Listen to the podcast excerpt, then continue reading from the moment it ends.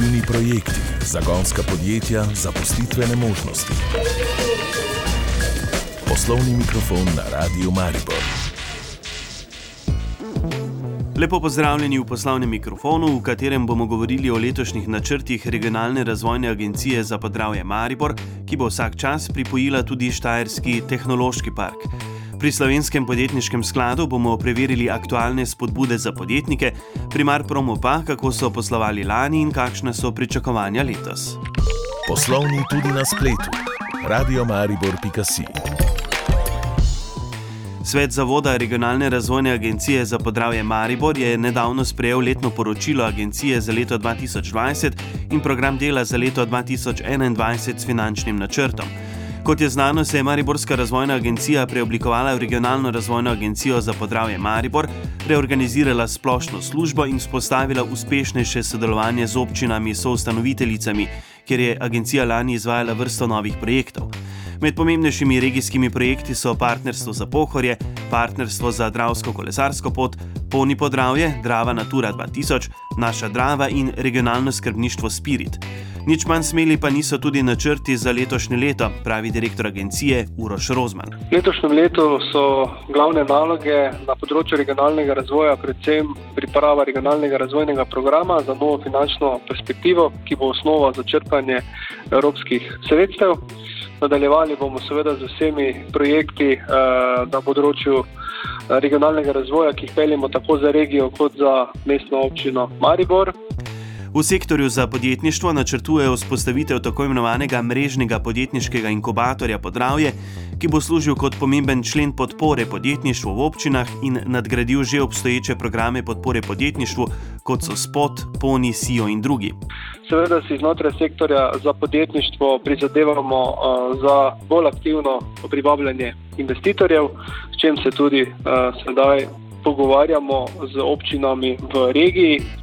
Ob tem želijo vzpostaviti dva nova sektorja. Eden je sektor za raziskave, razvoj in inovacije.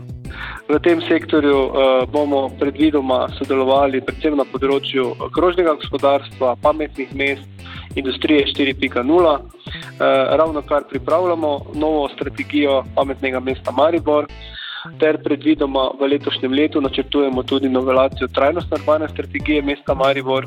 V omenjeni sektor želijo pripojiti tudi inštitut Recycle Maribor, ki se ukvarja zlasti s krožnim gospodarstvom. Še ta mesec bodo pripojili Štajerski tehnološki park, razlaga direktor agencije Uroš Rozman. S tem bomo uh, tudi prezaposlili oziroma uh, dobili dva nova sodelavca v regionalno razvojno agencijo in kar nekaj uh, novih projektov tako da bomo v bistvu resnično uh, okrepili tudi sam sektor za raziskave, razvoj in inovacije, znotraj katerega pa bomo uh, predvidoma vzpostavili tudi raziskovalno skupino. In kaj se bo zgodilo z Mariborsko pisarno Štajerskega tehnološkega parka in kaj z glavno stavbo v Pesnici? Poslovne prostore v Mariboru bomo še vedno porabljali za potrebe razvoja podjetništva, tako za projekt PONI, kot za projekt SIO, kjer podjetnikom v bistvu omogočamo možnost uh, razvoja.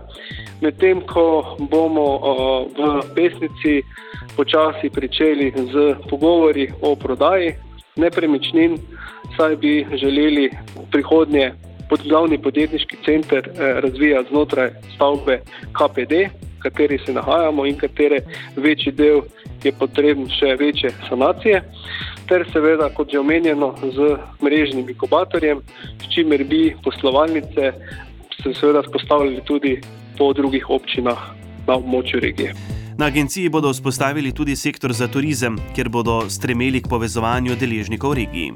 Predvsem na področju reke Drave, kjer uh, izvajamo partnerstvo za dravsko kolesarsko pot, uh, na področju Pohorja z partnerstvom za Pohorje, kjer imamo leto željo vzpostaviti tudi nekako pohorsko turistično destinacijo.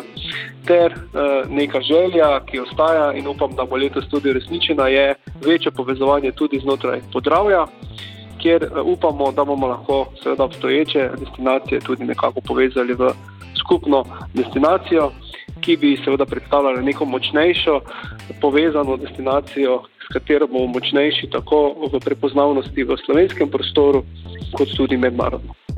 Ker je regionalna razvojna agencija za podravje Maribor upeta tudi v mednarodno okolje, tako pri soudeležbi ali organizaciji dogodkov, kot je Mariborski Simit, se pripravljajo tudi na te aktivnosti, a njihova izvedba bo seveda odvisna tudi od epidemiološke slike. Večina mednarodnih dogodkov, kot je recimo Simit, eh, bodo najverjetneje potekali preko spleta. Uh, Vkolikor pa nam bo v drugi polovici leta omogočena tudi uh, resnična izvedba uh, teh večjih srečanj, pa bomo seveda te izvedli tudi v živo. Nekateri dogodki žal imajo v bistvu pravi namen, če so izvedeni v živo. Ne. In si imite recimo dogodek mreženja, kjer in tudi druženja, na konec koncev, kjer se večina nekega posla mogoče sklene celo izven rednih srečanj. In, uh, takšne zadeve je potem zelo težko dobro in kvalitetno izvesti uh, preko videokonferenc. Še razlaga direktor agencije Uroš Rozman. O tem, kako so v Mariborskem Marpromu, javnemu podjetju za mestni potniški promet, poslovali v lanskem, za nje izredno zahtevnem letu in kako kaže letos, pa v nadaljevanju oddaje. Poslušate oddajo Poslovni mikrofon na Radiu Maribor. Poslovni mikrofon na Radiu Maribor.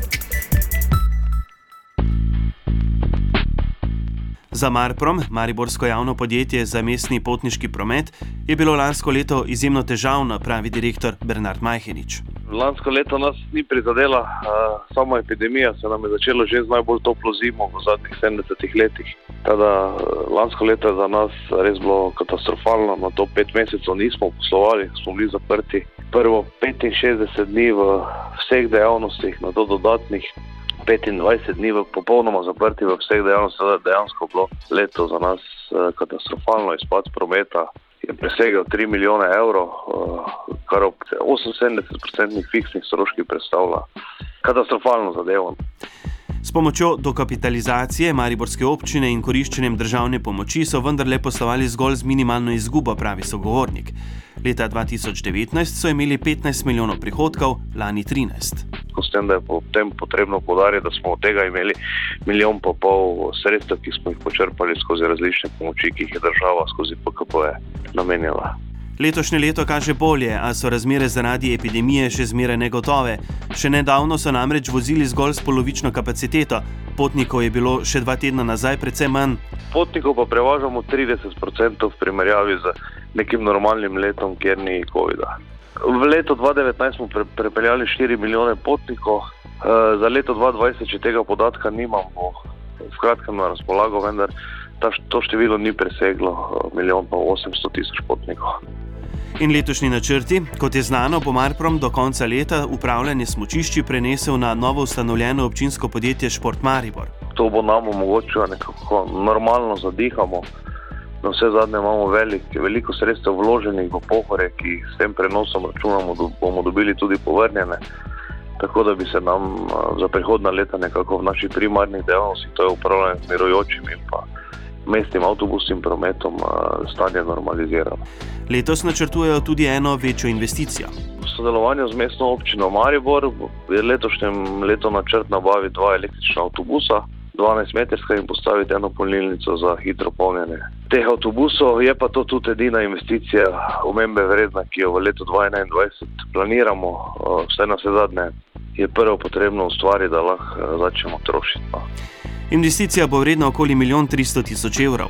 Kar se tiče zaposlenih, jih je od 250 trenutno še okoli 30 odstotkov na čakanju, saj glede na epidemiološke razmere še ne upravljajo svojih storitev v polnem obsegu, pravi sogovornik. Nekaj ljudi se je preselilo na javni holding, to je devet ljudi, tako da število zaposlenih smo lani skozi vso leto strajno zmanjševali. Bojimo se, da bomo s koncem te epidemije ostali brez primarnih kadrov, to so naši avtobusni vozniki, ki dejansko jih primankuje na trgu, ampak nekako uh, poskušamo to kadrovsko politiko, politiko peljati v skladu s prvi, prvi vrsti z razpoložljivimi sredstvi, ki jih imamo na razpolago, v drugi vrsti pa primarni kader zadržati čim bolj v podjetju.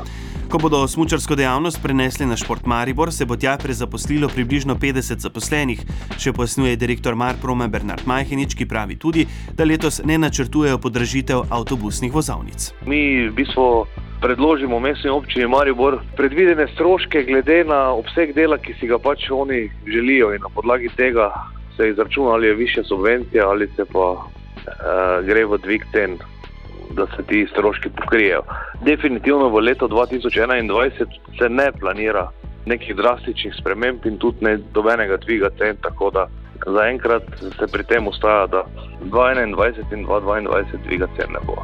V zadnjem delu oddaje pa k slovenskemu podjetniškemu skladu, ki podjetnikom ta čas ponuja kar nekaj aktualnih spodbud. Poslovni mikrofon na Radiu Maribor. Raziskovalci na javnem razpisu. Evropski razpisi, predstavitve poklicev, pozitivne zgodbe našega okolja. Pravci bomo obrnili to tehnologijo v svoj prid. Poslovni mikrofon na Radiu Maribor. Slovenski podjetniški sklad, ki ima sedež v Mariboru, bo tudi letos igral pomembno vlogo pri nudenju protikoronske pomoči gospodarstvu. Direktorica sklada Maja Tomanič Vidovič. COVID eh, razmere se nadaljujejo, tako da bo Slovenski podjetniški sklad tudi v letošnjem letu večina finančnih eh, in vsebinskih spodbud usmeril prav v blaženje eh, COVID posledic. Kar za 50% več finančnih spodbud bomo lahko razpisali kot v lanskem letu, čeprav že lansko leto je bilo rekordno leto. To tudi na račun tega, ker nam PKP 7, torej paket ukrepov vlade, z tega paketa 7 prinaša 120 milijonov evrov novih virov. Skupno bodo tako lahko ponudili čez 280 milijonov evrov različnih spodbud za mala, mikro in srednje velika podjetja, kar bo zadoščalo okoli 6000 podjetjem, pravi sogovornica in izpostavlja, da je ta znesek glede na pretekla predkoronska leta skoraj dvakrat višji. Največji poudarek bo tudi v letošnjem letu na zagotavljanju likvidnosti, tekoče likvidnosti podjetij, da bodo uspešno premagovali pač te težave, s katerimi se srečujejo, se ohranjala pri poslovanju. To bodo tako garancije za zavarovanje bančnih kreditov, 129 milijonov evrov garancij napovedujemo tako da bomo podjetjem pomagali pri najemanju bančnih kreditov, tako tistih za obratna likvidna sredstva, kot tudi morebiti za kakšne eh, investicije. Okoli 800 podjetij bo lahko koristilo to vrstno spodbudo, pravi direktorica podjetniškega sklada in dodaja, da velik del spodbud predstavljajo krediti. To so naši neposredni, bolj ali manj likvidni krediti, res za zagotavljanje tekočega poslovanja. Okoli 122 milijonov evrov to vrstnih kreditov bo na razpolago. Moram povedati, da 33 milijonov evrov od te kvote je že odobrenih, ker popraševanje je veliko in uh, že um, določeni razpisi iz zaključevanja lanskega leta, ter takoj potem uh, z možnostjo prijave v mesecu januarju, uh, so uh, pravzaprav bili tako dobro obiskovani, da je 33 milijonov evrov tovrstnih uh, kreditov že odobrenih. Še okoli 90 milijonov evrov pa je na voljo za okoli tisoč projektov. Ena od finančnih spodbud za podjetja so tudi subvencije za digitalno transformacijo. Večina podjetij se trenutno srečuje prav s tem, kako digitalizirati uh, poslovanje in uh, pripeljati do tega še bolj uh, novega načina poslovanja, tako za strankami, kot tudi znotraj podjetja. In digitalizacija je tukaj nujno potrebna. Zato verjamemo, da so te potrebe velike. 10 milijonov evrov bo v novem razpisu, ki prihaja nekje do konca meseca marca ali začetku meseca aprila.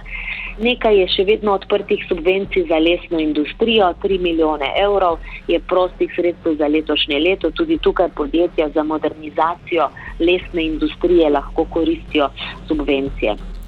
Tukaj so še spodbude za mlada inovativna podjetja. Vsega skupaj 4,7 milijona evrov, vsaj 70 mladih, tako novih kot tistih, ki so novo ustanovljenih podjetij, kot torej tudi tistih, ki so v tem nekem zagonu, bodo lahko koristili ali subvencije za zagon mladega inovativnega podjetja ali pa naš eh, semenski kapital v obliki konvertibilnih posojil ali potencialno tudi kapitalskih vložkov skupaj z privatnimi investitorji. Ob finančnih spodbudah so za mlada inovativna podjetja na voljo tudi tako imenovane vsebinske spodbude. Za mlada inovativna podjetja so deležna tudi določene podpore v okviru Startup Plus programa, gre za mentorstvo, gre za različne pomoči pri začetku poslovanja, pri nastavljanju poslovnih modelov, pri eh, prodoru na tuje trge.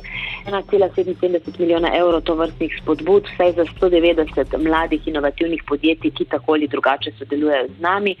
In pa tukaj je pomembna skupina voucherjev, voucherji, ki predstavljajo subvencije nižjih vrednosti do 10 tisoč evrov, predstavljajo pa neko nadgradnjo finančnih spodbud, ker s temi voucherji podjetja nadgrajujejo neke investicije ali pa financiranje obratnih sredstev, s tem, da si pač pomagajo pri najemanju različnih poslovnih storitev, ki jim uh, zvišujejo njihovo kakovost poslovanja, njihovo konkurenčnost na trgu. Tudi teh voucherjev je letos za novih 10 milijonov evrov, pravi sogovornica. In ti voucherji pokrivajo tako možnosti pridobivanja certifikata kakovosti, zaščite patentov, znamk različnih modelov, kot za tržne raziskave, udeležbe na kakšnih mednarodnih forumih. Letos je pač eden od takih. Expo uh, Dubaj, ker je pač res zvezen in uh, se predvideva, da bodo podjetja lahko tja potovala, ostali so bolj ali manj vprašljivi, kot so tukaj voucheri za različne digitalne storitve ali dvig digitalnih kompetenc, digitalni marketing, digitalne strategije, kibernetska varnost in tako naprej. Tudi voucheri za prenos lasništva, za prototipiranje, za poslovno odličnost, vse to je možno najemati. Večina omenjenih spodbud je že na voljo, v zgodnjih spomladanskih mesecih bodo tako razpisali vse predvidene spodbude.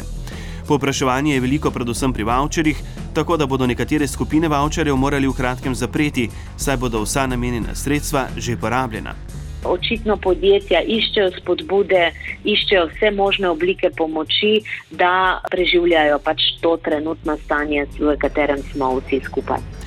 Direktorica Slovenskega podjetniškega sklada Maja Tomanič Vidovič še poziva podjetnike, da se prijavijo na elektronske novice sklada, da bodo pravočasno obveščeni o vseh razpisih in novostih. Preko naše spletne strani, ker bodo potem sproti obveščeni preko uh, eh, SMS oziroma mailov sporočil o tem, uh, kaj, uh, kateri razpis je na novo objavljen, tudi če so kakšne spremembe pri razpisih, vse to pač potem tekoče obveščamo. Na naši spletni strani pa imamo tako ali tako rubriko aktualnih novic, tako da se vse, vse kar hitro uspe uh, uh, pregledati in dobiti pravo informacijo.